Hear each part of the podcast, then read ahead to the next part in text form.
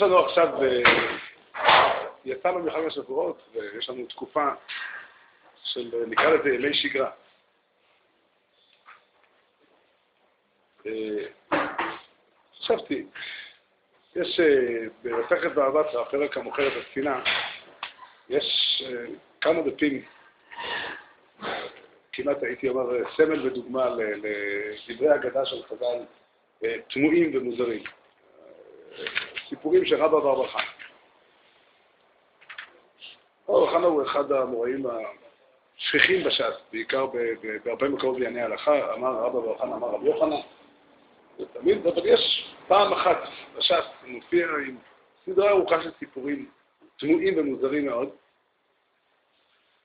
ובדרך כלל מביאים את הסיפורים האלה כדוגמה לדברים שאי אפשר להבין אותם, מה שנקרא.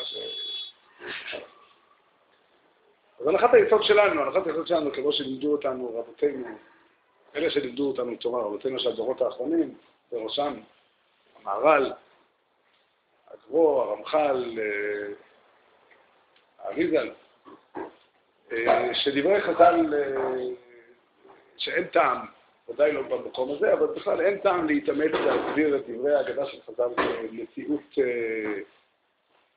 שאפשר לספר עליה בעיתון. חז"ל תמיד התכוונו לדבר דברי חוכמה, וצריך לדעת לשמוע למה, מה, מה הם אומרים. עכשיו שוב, המלאכה של לפרש את אגדות חז"ל היא מלאכה גדולה מאוד, והיא דורשת אה, מן הסתם אה, שנים רבות מאוד. מה? לא, אני אפילו לא יודע להגיד איך זה נראה ברוך השם. לא יודע. וכלל לחוד בידינו באמת, אה, שאדם צריך ללמוד תורה, ללמוד תורה פירושו להתאמץ לחשוב, להתאמץ להבין, ולנסות להבין מה הם אומרים. עכשיו, פה יש לנו סדרה, וזה מאוד מאוד בולט, מדובר פה סיפורים אה, פנטסטיים, סיפורים מוזרים מאוד, שחלקם לא סיפורים אה, שהיו פעם, אלא יש פה תיאורים איך העולם נראה. והעולם לא נראה כך. הגלים, ככה רבא ברחנה אומר, השתהו לי נחותי ים, סיפרו לי יורדי הים, שהגלים בים גובהם, כל גל גובהו 300 פרסה. לתרגם את זה, פרסה זה בערך 4 קילומטר, 300 פרסה, אפילו לא, לא יודע כל כך, כל כך הרבה מתמטיקה בשביל לדעת. זה מעבר לירח נראה לי. זה לא, מחוץ לאטמוספירה זה ודאי. זה לא, זה, זה, הייתי בים. אין גלים כאלה. לא, לא, לא שאני צריך אה, להגיד את זה למישהו, אבל זה ברור. אה, עכשיו, גם אם חלילה הדיבורים האלה היו כתובים באיזה ספר שכתבו סתם אנשים, גם הם, סתם אנשים גם אומרים שטויות. סתם אנשים גם אה, לא אומרים כאלה דברים סתם. זה ברור לחלוטין שהתכוונו לעמוד לנו פה דברי חוכמה, ואנחנו צריכים לנסות להבין במה הסוגיה. אחד הנושאים המרכזיים פה בסוגיה זה נכות הים, יורדי הים. מי הם יורדי הים? יש אנשים שזו מלאכתם שהם נוסעים בים. הים הוא מקום מאוד מאוד מיוחד. כולנו מבינים שהים הוא לא מקום שמעט באופן טבעי לחי... לבני אדם לחיות בו. אנשים חיים על היבשה, היבשה מספקת יציבות. אתה נמצא על היבשה, אתה עומד יציב, בים אי אפשר לעמוד. צריך, אה, הכלי שאיתו משתמשים בים היא ספינה. והספינה יש בה אסטרטגיה מסוימת, יש בה איזשהו אה, רעיון איך להסתדר. הרעיון של הספינה הוא שאתה בעצם נותן לים להזיז אותך. נותן לים אה, להוליך אותך לאן שאתה רוצה, לאן שהוא רוצה. ביחד עם זה, אתה מצליח לקבוע לו לאן ללכת. זאת אומרת, אדם שמנסה לעמוד יציב בים, זה לא ילך. זה לא ילך. הים לא נותן מקום לעמידה יציבה. אבל הים, אם אתה מוכן לקבל את זה שהים מניע אותך אנה ואנה, אז אתה יכול אה, להשתלט, מה שנקרא, על הדברים וללכת לאן, לקבוע איזשהו מסלול. הרב אומרים, יש כזה פתגם, שהרבה אנשים עברו את הים ואף אחד לא סלל בו דרך. זאת הים עניינו שאין אין חוקיות מוחלטת, אין סדר מוחלט איך הדברים פועלים. אני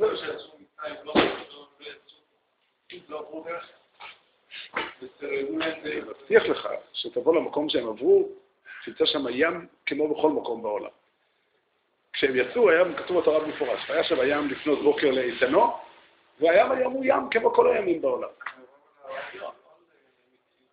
אה, אתה יודע מה, אולי נאמר ככה, כשעם ישראל עברו, יצאו ממצרים, הם לא הלכו, הם לא חיו חיים רגילים כדרך שבני אדם חיים בעולם. אם אתה רוצה ללמוד איך לחיות, אתה לא יכול ללמוד מהם. כשאתה הולך בדרך, ענן השם לא הולך לפניך, והוא ודאי לא מיישר את הדרכים, ולא בשמלתך, אתה לא יכול להגיד אה, שמלתך לא בלטה מעליך, וכולי. החיים בעולם הם נראים אחרת. ואני חושב שלאיכות הים הם, הם, זה תיאור לבני אדם בעולם שלנו. יש פה באמת סוגיה עמוקה מאוד, עמוקה מאוד, ש, ש, שאותה אנחנו צריכים ללבן. ויש שתי דרכים עקרוניות. שוב, כשאנחנו אומרים שתי דרכים, אנחנו לא מתכוונים שתמצא אדם שנוהג כך ואדם שנוהג כך, אלא ישנם שני צדדים למטבע, והם שני הצדדים הקיצוניים, שמטבע הדברים כל צד קיצוני הוא לא נכון. הצד האחד אומר שהעולם הזה הוא עלמא דשיקרא. הוא מקום מאכזב, מתסכל, אין, אין, אין, אין, אין, אין, אין מה לחפש פה באמת. וכדאי, אם אתה רוצה להסתדר בעולם, אתה צריך פשוט לפרוש. להשתדל כמה שפחות שהעולם ייגע בך. זה צד אחד. ואנחנו מכירים בני אדם שמנסים לחיות ככה. שמנסים לחיות ככה, הם באמת מנסים... אה, אחד המקומות שזה מאוד מאוד מוחשי, זה במערכות יחסים עם בני אדם. אנשים יודעים לך, תראה, מערכות יחסים עם בני אדם, בני אדם הם יצורים אה, שקשה לתקשר איתם.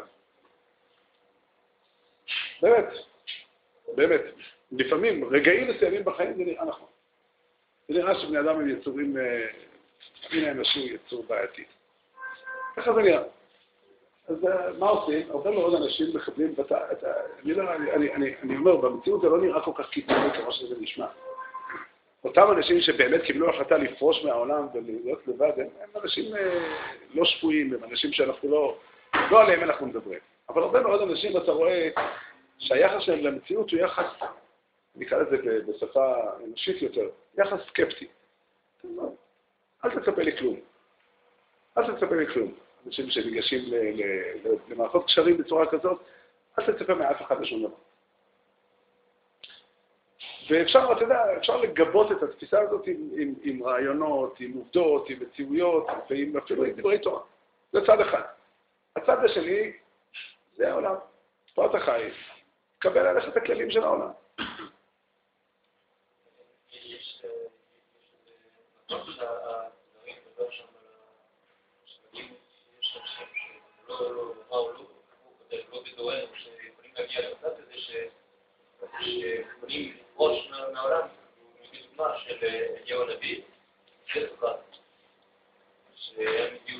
העולם אומרים, העולם מספר שסוקרטס, פעם אחד מהתלמידים של סוקרטס שאל אותו אם כדאי להתחתן. והאגדה מספרת שהוא אמר לו כן. שאל אותו למה? לא, תראה, אם תהיה לך אישה טובה, מה טוב? ואם לא, תהיה פילוסוף. זה לא מקרה, אני לא בדקתי את זה באופן זה לא מקרה, נראה לי, שהרבה מאוד, הרבה מאוד מהפילוסופים היו רווקים. מה? מה? על זה נדבר עוד מעט, אבל הרבה מאוד מהפילוסופים היו רווקים. זה לא מקרה. אני חושב שהפילוסופיה היא סוג של התמודדות עם המציאות. שהרעיון שלה אומר, אל תחיה. אל תחיה את המציאות, אלא תחשוב עליה. ויש פה פיתוי, יש פה פיתוי רציני. יש פה פיתוי רציני מאוד, כי צריך להבין את זה היטב. להתחבר לעולם, יש לזה מחיר. יש לזה מחיר. ואי אפשר, או, או יותר נכון, מי שרוצה לא לשלם מחיר, משלם את המחיר הגדול ביותר, שהוא לא חי. אני לא יודע אם, אה, אם זה נכון להביא לפה דוגמאות uh, חיות, אבל יש שם, יש שם דרמים פוליטיים כאלה. היה יהודי שחי פה בארץ, אה, יהודי בחיים הפרטיים שלו, הוא היה יהודי יקר. עכשיו, הוא שם לעצמו, הוא הלך, נהיה איש ציבור, והוא הכריז את הצעות ההכרזה הזאת. אני הולך עם התורה ולא מוותר על שום דבר. קראו לו הרב מאיר כהנא. הוא לא מוותר על שום דבר. עכשיו, אני לא נכנס עכשיו ל... עכשיו, העיקרון שבאמת ככה הוא חי כל ימיו, זה לא לעשות כלום. לא לוותר על שום דבר, פירושו לא לעשות כלום. לדוגמה, הוא הציע הצעת חוק בכנסת, שאומרת אה, להוציא להורג כל מחלל שבת. עכשיו, מעבר לזה שגם מבחינה הלכתית זה לא תופס ולא מתעכב שבית המשפט הישראלי ידון בשאלות האלה, אבל, אבל נעזוב את הבעיות האלה, כי הוא, הסיבה שהוא עשה את זה כי הוא הבין שזה לא רציני. אם הוא היה חושב שזה רציני, הוא היה הולך להתייעץ עם רב לפחות, איך, איך, איך, איך עושים כזה חוק. אבל אין לזה שום טעם. 119 חברי כנסת הצביעו נגד, והוא הצביע בעד, והוא לא ויתר על כלום. הוא לא על כלום. זה דוגמה. זה דוגמה. וצריך להבין, אנשים, שוב, התורה פה היא דוגמה. אתה רוצה עוד דוגמה של זה? יש קבוצה של יהודים, קוראים להם נטור הקרתא. זה האידיאולוגיה שלהם, אנחנו לא מוותרים על כלום. מה זה אומר? לא עושים שום דבר. עסוקים בלצעוק. אין דבר כזה. אין דבר כזה. גם אם אני אלך בחיים שלי ואגיד, אני רוצה לנהל את החברותא שלי, אלך ללמוד, כמו שאני מבין. אומרת? אני באמת מבין נכון, ואני דורש מהמציאות להתאים לי, אני לא, לא מוכן. זה לא עובד ככה. זה לא עובד ככה. נחותי ימה, יודעים שלחיות בים פירושו לנהל תקשורת עם הים. לתקשר עם המציאות. לתקשר עם המציאות. אני מכיר בן אדם אחד שקיבל עצמו החלטה מאוד מאוד חזקה, אדם, אני מכיר אותו אישית. אפילו היה חבר שלי לתקופות מסוימות בחיים. הוא אומר, אני לא רב עם אף אדם על שום דבר. כן. כן. שוב, הוא מוותר על הכל. הוא מוותר על הכל. הוא אומר, אני דיברתי איתו לפני שהוא התחתן, הוא אמרתי, אני מתכוון לנהל את החיים הנישואים שלי, שאשתי תחליט מה שהיא רוצה. יש פה חרדה. הוא מפחד מהאימוץ הזה, זה באמת מפחיד. אבל צריך להבין, הקדוש ברוך הוא שם אותנו בעולם, ואנחנו מחויבים. זה לא שבאמת צריך שזה חיוב מהתורה, זה, זה, זה לא צריך פסוק בתורה שאומר את זה, אבל זה גם נכון שכל התורה כולה אומרת את הדבר הזה, שהאדם צריך להיות איש העולם. מה היה עניינו של אליהו הנביא מיום שהוא עלה בסערה שמיימה? זה לא הלכה בשבילי ולא הלכה בשבילך.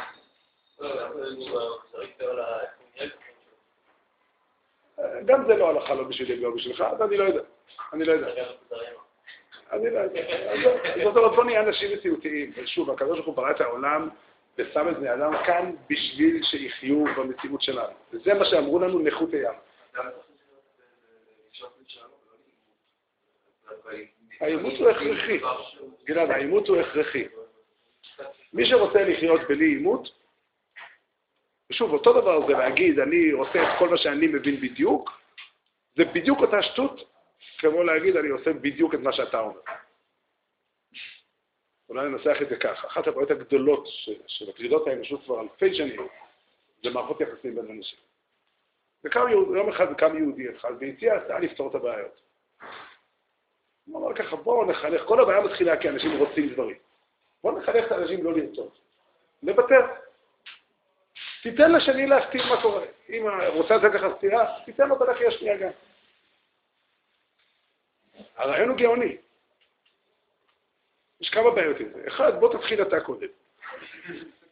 אחרי שאתה תלך בדרך הזאת שבוע, אני מוכן אולי לעשות גם. שתיים, זה, זה מעוות מעיקרו. הקדוש ברוך הוא שם אותי בעולם כדי שאני אחיה את חיי כאן. לא כדי שאני אוותר על החיים שלי. זה לא נכון. זה לא אמיתי. זה לא אמיתי. הנכות הימה, יורדי הים באוניות. יש פה סיפור, אחד הסיפור, זה לא הסיפור הראשון, אולי נקדים את הסיפור הזה. הסיפור מספר על... על...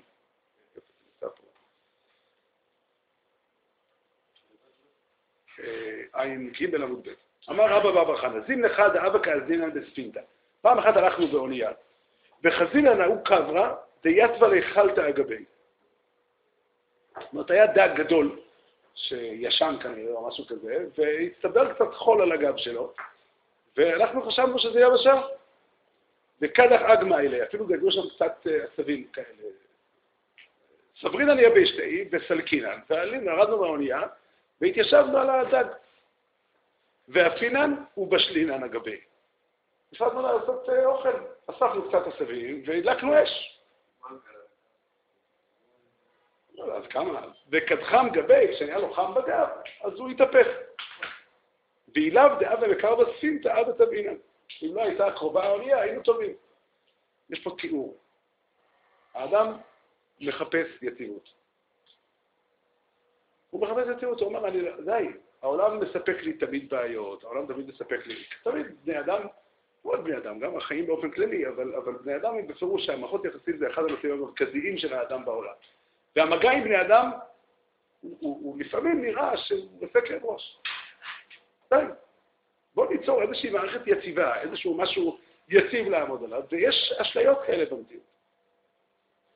יש, יש אופציה כזו, שאני יכול לחשוב שהנה, אני, אני אסתדר. אבל זה מעניין מאוד, אדם מתיישב, הוא מרגיש יציב, והוא מתחיל לבנות את החיים שלו יותר, הדבר השלב הבא, אחרי שאדם יושב באיזה מקום, זה לבשל אוכל. יש משהו מדהים בזה, שהאדם, זה לא שהדג יתעורר מעצמו. הרב המחנה יכל לספר שהדג גמר לישון, לא כמה שעות שינה יש לו ביממה, והוא יספר שזה גם היה סיפור, אותו סיפור. אבל הסיפור הוא שמי שגורם לדג להתעורר זה אתה. בגלל שהחיים במהותם, זה הנושא של החיים. זה החיכוך, העימות עם המציאות. עימות זה אומר שאתה לא יכול לעשות דברים שלמים. המציאות היא אף פעם לא תהיה, אף פעם לא תהיה כמו שבאמת היא צריכה להיות. אף פעם לא. אין, אני חושב שהאומנות של התיאור הזה היא אומנות שאין דומה לה. האומנות של התיאור של, של הדג הזה, הדג הגדול הזה, שאדם יושב עליו, ומצא סוף כל סוף. היא באמת, אם זה לא הייתה אשליה של רגע, אם זו הייתה אשליה אה, קרוב, אה, אה, מה שנקרא קבועה, אם הספינה לא הייתה קרובה, אז היינו צורים. ספינה זה דרך הקיום הנכונה בעולם. אי אפשר, כל אחד יודע את זה, בים צריך אונייה. והמשמעות של זה שבים אתה צריך כלי כזה שמקבל על עצמו את התנועה של הים. הוא לא מבקש יציבות מוחלטת.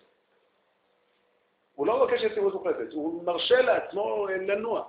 יחד עם זה הוא מנסה לכוון את התנועה לאיזשהו כיוון. אבל יש פה משהו מאוד מעניין, האסטרטגיה של, של סירה, של ספינה, היא אסטרטגיה מאוד מיוחדת. היא באמת, אומר, אני נותן לים להניע אותי. אני נותן לים להניע אותי. ואני נע ברוח, כל אחד יודע שהסירה לא הולכת בקו ישר. לא מדובר פה על סירת מנוע משוחררת. אבל אה, הסירה לא הולכת בקו ישר. הנה הרוח מניעה אותה טיפה לפה, טיפה לשם, יחד עם זה, זה מאפשר לאדם לייצב לעצמו כיוון. לארגן לעצמו איזשהו מהלך של דרך. אבל שוב, אני רוצה אולי להרחיב קצת ולתאר את העקרונות, את עקרונות היסוד של הקיום של האדם, ב, ב, של יורדי הים. יורדי הים, הם, הם, הם חייבים להבין את הדבר הזה. לים יש מבנה עקרוני, הים הוא לא, הוא לא, הוא לא עצם דומה. הים הוא לא עצם דומה, הוא כביכול, כביכול יש לו את ה... את ה לפעמים זה קורה לי, אתה יודע, שאתה עוסק עם מחשב, אז המחשב הוא, נראה לכאורה איזשהו כלי, איזשהו מכשיר שאתה משתמש בו. אבל תדע לך, המחשב הוא מאן דאמר בפני עצמו. יש לו את ה... אתה חייב להתחשב בו. אז במחשב זה, זה, זה, זה, זה בדיחה, זה לא אמיתי. אבל, אבל העולם הוא מאן דאמר. הוא מאן דאמר, יש יש פה תפיסה. ואתה צריך להבין איך עובדים עם, עם, עם העולם. אתה מתעסק עם מישהו. אתה לא יכול לחיות לבד. לחיות לבד זה לעלות על, לגור על הדג. אתה מאוד מאוד מהר בעצמך תבנה את החור של, של המציאות. בעצמך תעשה פה תדיק אש. בעצמך, זה, זה יקרה ממנו, מאוד מהר. זה, זה, זה עיקרון. והשני שאתה מתעסק איתו, צריך להבין, הוא עולם בפני עצמו. יש לו תפיסה, יש לו אופי, יש לו אישיות, אתה לא יכול להשתמש בו כמו שמשתמשים עם פלסטלינה. למען האמת, גם לפלסטלינה יש מבנה, יש חוקיות. וכל דבר בעולם שאתה עוסק בו, אתה צריך, כך, כך, ככה פועלים בעולם, מכירים את המציאות של החומר שאתה עוסק איתו, וככה אתה עובד. יש פה דבר עמוק. יש פה דבר עמוק מאוד. העומק פה הוא שהאמת הטהורה, ולכל אחד מאיתנו יש איזושהי תפיסה של אמת טהורה. מכאן אנחנו מתחילים. הציור של האמת הטהורה הוא לפעמים, אה, הוא בדרך כלל לא ציור מדויק, לא ציור מתוגלל, אין, לנו מילים להגיד אותו, אבל, אבל הוא, הוא ציור קיים. יש לנו איזשהו רצון לשלמות שמניע אותנו. אוי לנו אם לא היה לזה. כל אה, מה שנקרא מותר האדם מן הבהמה, זה שאדם רוצה, יש לו איזושהי תפיסה איך הדברים כדאי שהם יהיו.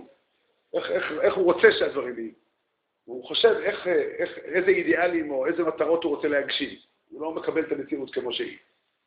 שזה הצד שלי.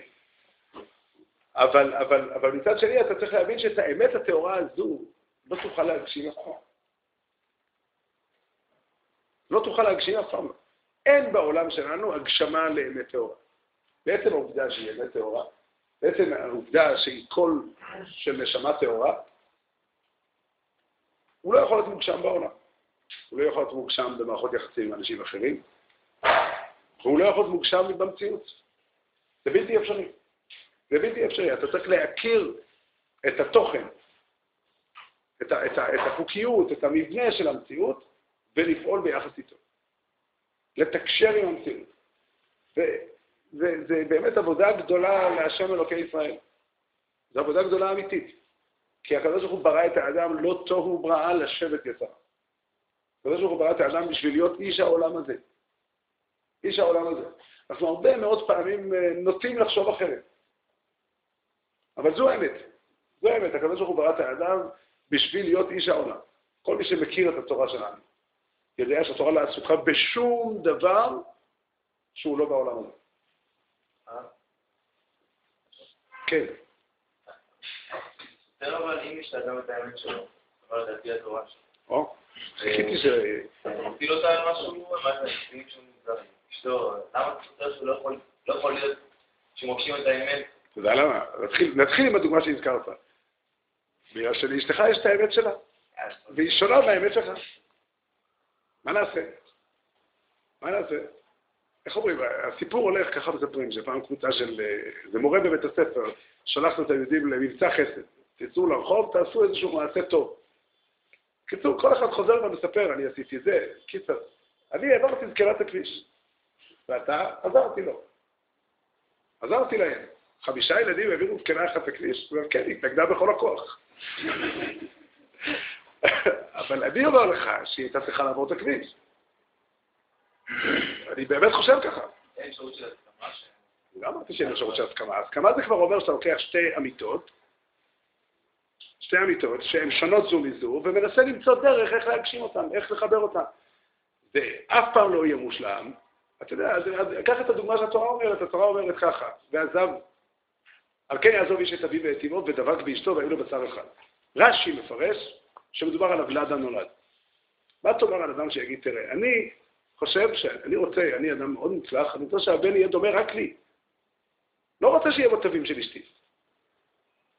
מטורף, נכון? עכשיו אני אספר לך סיפור על מישהו אחר.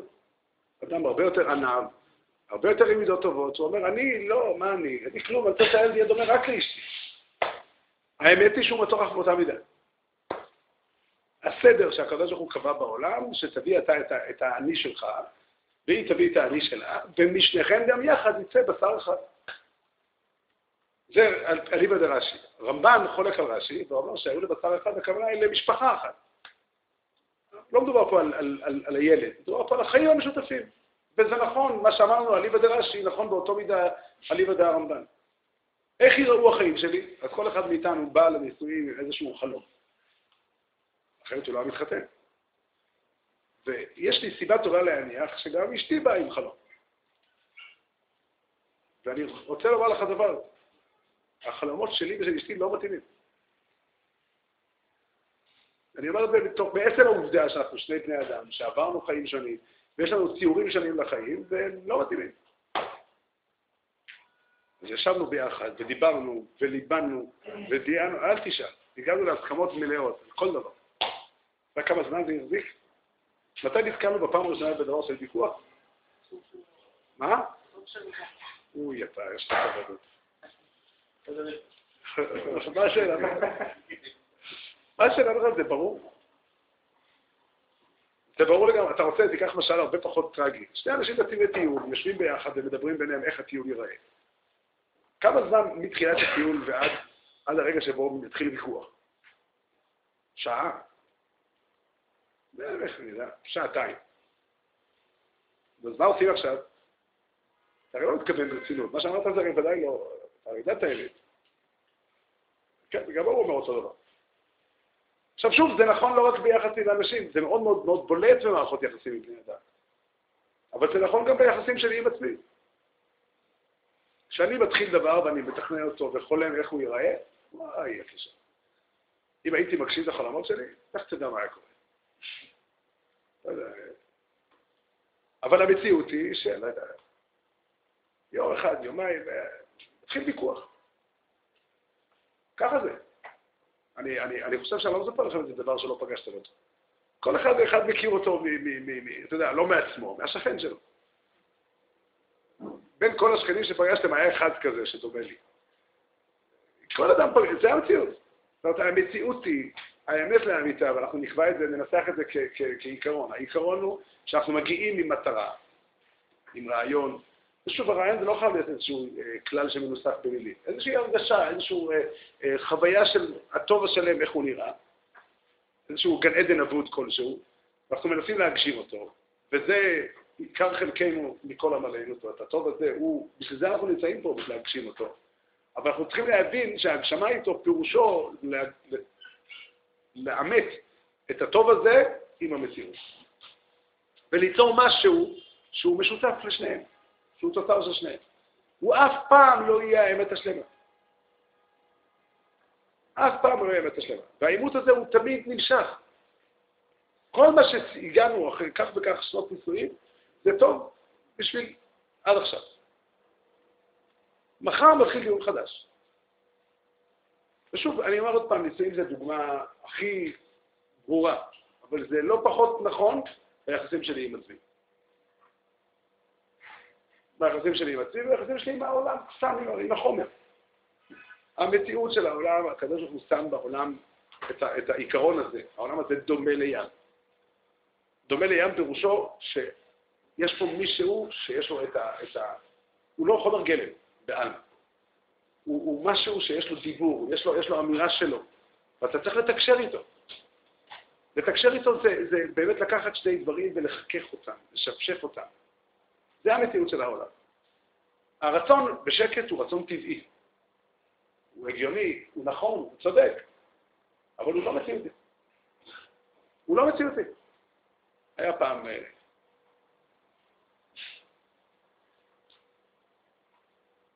טוב, זה, זה המציאות של העולם. זה המציאות של העולם. וזה העיקרון ש, שנכות הימה מלמדים אותנו. נכות הימה באים ללמד אותנו, לתאר לנו איך נראים החיים בים. השפה הזאת היא שפה פשוטה, יורדי הים באמת מדברים כך. מי ששמע פעם דיבורים או קרא פעם תיאור של אנשים שחיים בים, הם יגידו לך, הים צריך לדעת להקשיב לים.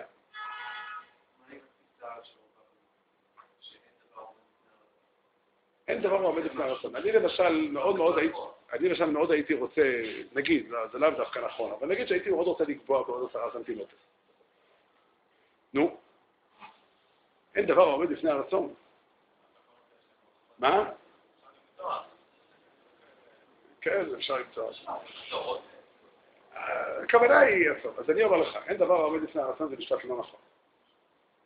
משפט לא נכון. איפה המקום שלו? לא בספרות יהודית. מה? כן, כן, אבל אני לא, זה לא נכון. זה לא נכון. אם אני אקום מחר בבוקר ואני אומר לך, ממחר בבוקר, ממחר בבוקר אני אהיה צדיק. ממחר, למה ממחר? מהרגע. מהרגע, מהרגע אני, אין יותר, כל אחד במקום שלו, כל אחד ייקח את, ה, את הסוגיות שהוא מתחבט בהן. מי שרוצה להתחבט בסוגיות של, של לשון הרע, מי שרוצה, מהיום והלאה אין דבר כזה. אני הייתי נער בן 16, זה היה מוצאי צום גדליהו. יום אחרי ראש שנה ניגשתי למשגיח בישיבה, ושאלתי אותו את השאלה הזאת, אמרתי לו, הרב, שנה שעברה הייתי ילד קטן, עשיתי כל מיני דברים, ואני השנה חוזר על זה בתשובה בראש שנה ביום כיפור וזהו. מה אני אעשה ביום כיפור שנה הבאה? המשגיח הסתכל עליי, לא יודע אם העיניים שלו היו עצובות או, או לא משנה מה, אמר לי, חשב איזה דקה, ואמר לי, תשמע, אני אומר, אני מאוד עסוק בימים האלה, וזה לא שאלה דחופה. אתה יכול לדבר איתי על זה בראש חודש חשבן. לא יודע למה, לא חזרתי אליו. זו לא המציאות. מה זה אין דבר העומד לפני הרצון? אני יודע את הנושא הבא, בשלב הזה אגיד כי לא באמת רצית. זה הפתרון האידיאלי. בסדר, אתה יודע מה, זה לא מעשי לרצות. זה אותו דבר, זה אותו משחק מילים. האדם נועד ונולד בשביל להיות בין שני עולמות. זו המציאות. אדם יש לו, ויצר השם אלוקים את האדם, עפר מן האדמה, ויפח באפיו נשמת חיים. הפסוק באיוב אומר, חלק אלוקם יועד. זאת אומרת, האדם יש בו גוף ונפש שהם שתי מימדים של האישיות שלו, והם, שוב, אה, אה, אפשר לדבר על זה בשפה, אנחנו רואים את זה בשפה תורנית, אבל אפשר לדבר על זה בשפה אנושית כללית. לאדם יש חזון, יש חלומות, ושוב, חלילה, לא לוותר על החלומות, כי לוותר על החלומות פירושו לוותר על מותר האדם מן הבהמה. אני בא לעולם בשביל להגשים את החלומות שלי, אבל אני אגשים חלק מהם, משהו מהם. זאת אומרת, אני אגשים משהו, אני אוציא לפועל משהו שהוא חיבור, שיש בו ביטוי חזק של החלומות שלי, ביחד עם ביטוי של מציאות אחרת, של החומר, של הזולת, של ההרגל, של היתר הרע, או מה שאתם רוצים. אבל לא של השאיפה היא החיים שלנו. אבל צריך לדעת, איך אומרים, צריך לדעת, אה, יש כזה פתגם שאומר שהיא לא תשאף להיות אה, גנרל, גם חייל פשוט לא תהיה. זה נכון. אבל מצד שני, אם תהיה מוכן רק להיות אה, גנרל, לא תוכל להיות כלום. יש לי אדם שאני מכיר אותו, הוא רצה לקבל פטור מהצבא.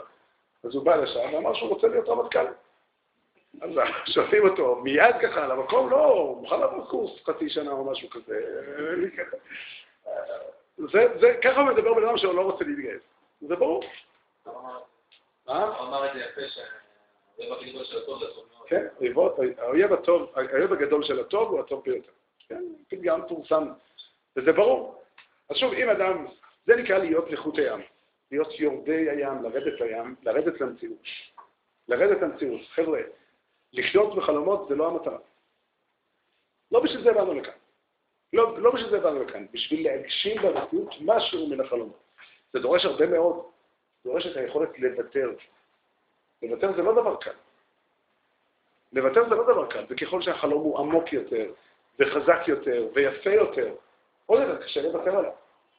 אבל זו המציאות. בשביל זה, אנחנו, בשביל זה ירדנו לים.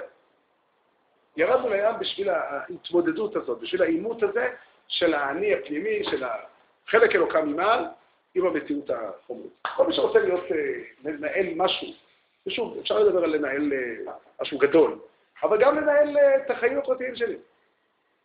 כשאני קובע חברותה עם מישהו, אז אני קובע, נלמד מתשע עד אחד.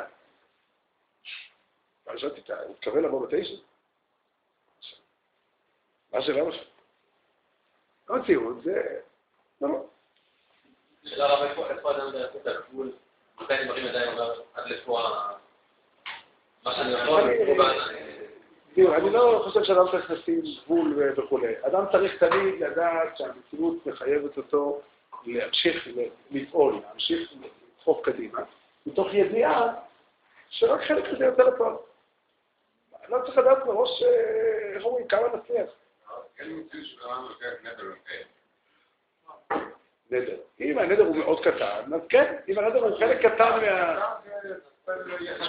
אני חייב להגיד לך שכן, כי יש כזאת הלכה, אבל אני לא יודע, אני אישית לא נדרתי מעולם נדר, וכשמה שקיבלתי על עצמי, נקרא לזה ככה, הצלחתי באופן חלקי.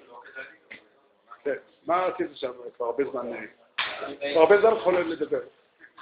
כן.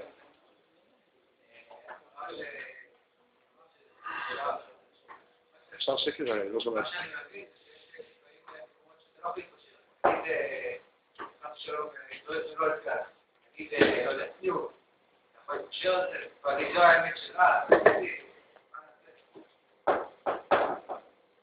תראה, אני לא, אתה מביא אותי למקום שאתה שואל את השאלה ההלכתית, אני לא חושב שהנושא הוא שאלה הלכתית. זה שאני חושב שההלכה היא ככה, זה אומר שזה, ש, שאני חייב לדאוג שכל האנושות תגשים אותה? יש גבולות, ל, ל, ו, ו, וזה שאני אשאל אותי בעם, האם יותר נכון ככה? יותר נכון ככה. יותר נכון, או אולי אפילו חייבים שיהיה ככה. זה לא אומר שבמציאות זה קורה. איך להתמודד במציאות? אולי צריך, אה, ככה רבי נחמן אומר, שאדם צריך להיות בקיא ברצו ושוב. בקיא ברצו ושוב. הוא אומר, הכוונה היא, רצו ושוב זה נקרא לדעת איפה המטרה הגבוהה, ורצו ושוב. זה ביטוי שמופיע במעשה מרכבה, המלאכים שם הולכים רצו ושוב. האדם צריך להיות, אה, לדעת איך עושים את זה, לחלום הרבה ולדעת שהמציאות אחרת. וכל... באמת מתלבטים על כאלה. שהלכה כבאים מעולם. אז לצורך העניין אתה מאוהב במישהי, כן. זה יהיה החיים שלך. אבל היא לא בדיוק כן, מגשימה את החלום שלך צריך. לחשוב היטב? צריך לחשוב היטב. זה לא דבר פשוט. לומר לבן אדם, תשמע, המטרה שלך בחיים היא תורה ומצוות ולכן תוותר. זה לא קל ולא פשוט. אני לא אומר שאף פעם זה לא תהיה התשובה הנכונה, אבל, אבל להגשים את החיים זה, זה, זה לא פשוט. זה לא פשוט, אני, אני יודע, לא בציור שציירת, אבל אנשים, אנשים נשואים, אני יודע מקרים שרבנים הורו להמשיך לחיות חיים ארוכים עם בן זוג או בת זוג שהם לא שומרים תורה ומצוות. אני שאלתי פעם מאחד, מאחד הרבנים, תראה, אתה צריך לדעת, להיות מודע לעובדה שאתה שינית את הדרך. זה העובדה. נכון שהגעת לדרך הנכונה, אבל... אה, עכשיו, אני לא אומר, אין ספק, המקום, ה- המדיה, הפורום הזה לא נועד בשביל לענות תשובות ספציפיות לאנשים ספציפיות. לא בטוח שאני אדע לענות אם מישהו ישאל אותי. אולי אפשר לנסות, אבל, אבל אה, ודאי שלא זה הכוונה כאן. אני אומר, אבל העיקרון הוא זה. העיקרון הוא זה שהאדם צריך להיות מעורב במציאות. מעורב במציאות פירושו שחלק גדול מהדברים שאתה חולם עליהם, לא תגשים אותם. או תגשים אותם באופן, רוצים לראות דוגמה, אולי זו לא דוגמה טובה, אבל דוגמה יפה. במגילת אסתר כתוב ככה, שמרדכי בא לאסתר המלכה, ואומר לה שהיא צריכה ללכת לדבר עם המלך אחשורוש, להציל את היהודים. אז היא בהתחלה מתווכחת. אז הוא צועק עליה, אל תדברי בנפשך, בסדר, היא קיבלה. איך היא עושה את זה? הוא לא אומר לה אפילו. מכאן והלאה מתחיל מהלך שלם, שהיא יוצרת אותו לבד, ושימו לב, בהתחלה היא עושה את מה שמרדכי מצווה עליה. ואחר כך כתוב, ויעש מרדכי ככל אשר ציוותה עליו אסתר. זה אומר ככה, אם אני רוצה שמישהו אחר יעשה משהו שאני אומר לו, ונגיד שהוא באמת צריך לשמוע לי, הוא בסופו של דבר יעשה את זה בדרך שלו. אני לא יכול להגיד לו, אה, איך אומרים, אני רוצה, מה השאלה? אני רוצה שהילדים שלי, התלמידים שלי, יעשו בדיוק מה שאני חושב שהוא נכון. ואני הרי ודאי יודע את האמת, אבל מה אפשר לעשות? שיש להם גם, איך אומרים, איזשהו נוסח, איזושהי צורה.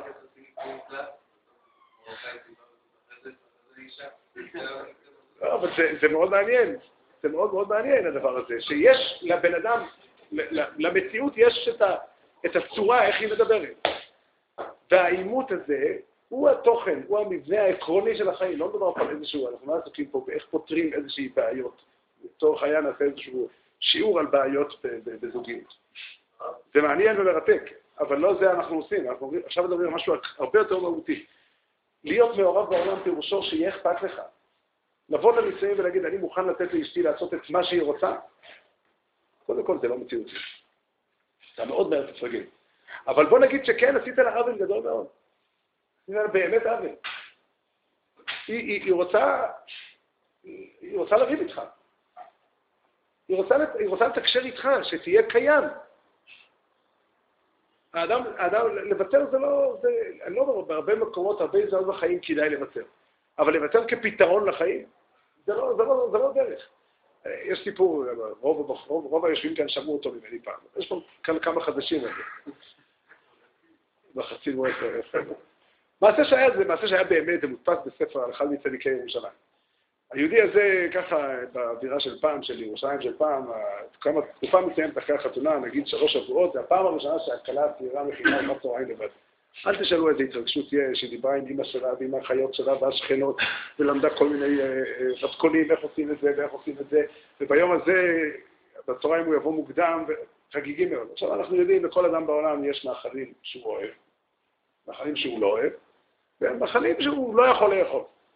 אחד או שניים יש לכל אחד. בוא נאמר שאותו פלויני, המאכל שהוא לא יכול לאכול היה חצי ברוטב עגבניות. נראה לי שהדוגמה שם הייתה אחרת, אבל נגיד כך. מה אפשר לעשות כשהוא מגיע הביתה לארוחה החגיגית? זה מה שצריך כאילו. עכשיו, זה דילמה לכל בן אדם בסיטואציה הזו, זה דילמה רצינית. אותו, אותו יהודי עדיין מידות טובות מאוד.